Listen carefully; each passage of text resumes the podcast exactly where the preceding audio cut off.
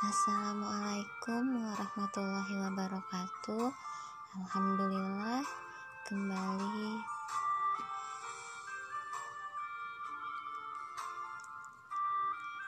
kembali lagi bersama saya Hasanah Ahmad dan kali ini saya akan membuat sebuah recording tentang salah satu buku yang mungkin buku ini adalah cita-cita kita buat bisa menamatkannya ketika membaca. Karena menurut saya buku ini daging banget sih teman-teman gitu. Nah oke okay, teman-teman.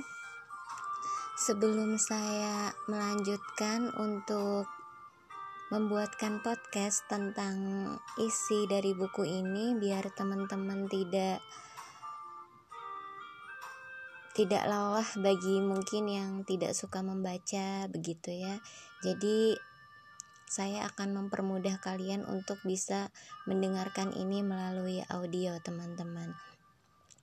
Oke teman-teman, kalau kalian hobi membaca, tentu beberapa nama penulis terkenal dalam berbagai bidang pasti melekat di ingatan kalian. Adapun kalian tentu bertanya, siapa sih penulis buku yang mengangkat tema optimisme yang akan saya kupas atau record sekarang ini? Apa benar pengalaman hidupnya layak untuk dituliskan dan disajikan kepada para pendengar semuanya? Namun, teman-teman, apabila kalian termasuk orang yang mudah tertarik dengan judul buku dengan tema optimistik ini, dan setelah kalian membacanya, tentu kalian akan berkata, penulis buku ini memang keren tetapi ia tidak hidup seperti kondisi yang kita alami. Sementara itu, kita sangat membutuhkan motivasi yang bisa membuat kita bangun dari frustasi dan keterpurukan kita semua. Belum tentu penulis juga mengalami permasalahan seperti diri kita kan?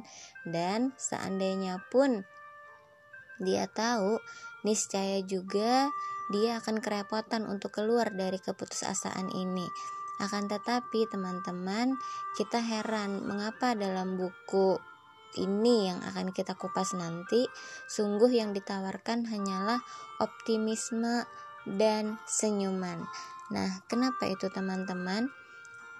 Sebenarnya itu semua tidaklah benar, sebab penulis buku ini bukan karena mereka adalah orang kaya yang hidup dalam kenikmatan dan tidak pula merasakan penderitaan mereka yang lebih miskin, bukan.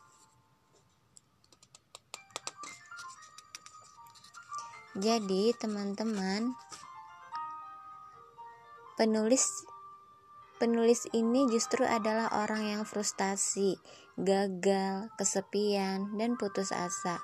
Maka dari itu, penulis terdorong menulis buku ini, tidak lain mencari secercah sinar harapan dan rasa optimis agar tidak mati kaku. Penulis tema ini tidak lain karena penulis yakin kepada Allah bahwa Dialah yang menciptakan untuk mengubah segala hal negatif dan bukan sebaliknya, teman-teman. Penulis menulis buku ini bukannya ingin mengubah kalian dan bukan karena buku ini kemudian kalian berubah, akan tetapi kami atau penulis menulis buku ini karena ingin berbagi pengalaman hidup dan kenyataan yang ada. Tentu semuanya pernah kalian alami, hanya saja mungkin mungkin kita tidak melewatinya karena kehidupan terlalu berbaik hati kepada kita sehingga kita tidak mengalaminya, tidak mengetahuinya dan akibatnya kita pun tidak tahu deliknya. Jadilah orang yang selalu optimis. Itulah kalimat yang penulis bisa katakan kepada kalian dalam menjalani kehidupan dengan ragam kejadian dan kenyataan hidup yang harus kita jalani.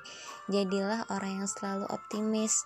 Itulah kalimat yang selalu penulis katakan pada dirinya di saat dirinya terjangkang dalam kondisi yang menyakitkan. Sengaja penulis buku ini untuk kalian berdasarkan sisa-sisa ingatan penulis. Dan aku katakan kepada diri sendiri mengapa aku tidak optimis? Serta menanamkan harapan di taman hatiku sejak dulu Jadilah orang yang selalu optimis. Itulah kalimat yang mesti kalian katakan pada diri kalian di saat tertimpa bencana. Ketika hidup terasa sempit, ketika senyuman itu sirna dari raut muka, dan ketika harapan dan keyakinan itu hilang. Jadilah orang yang selalu optimis. Setiap kali kamu mengucapkan kata ini, ingatlah kepada penulis dan doakan di kejauhan sana, sebab dengan doa itulah penulis semakin optimis.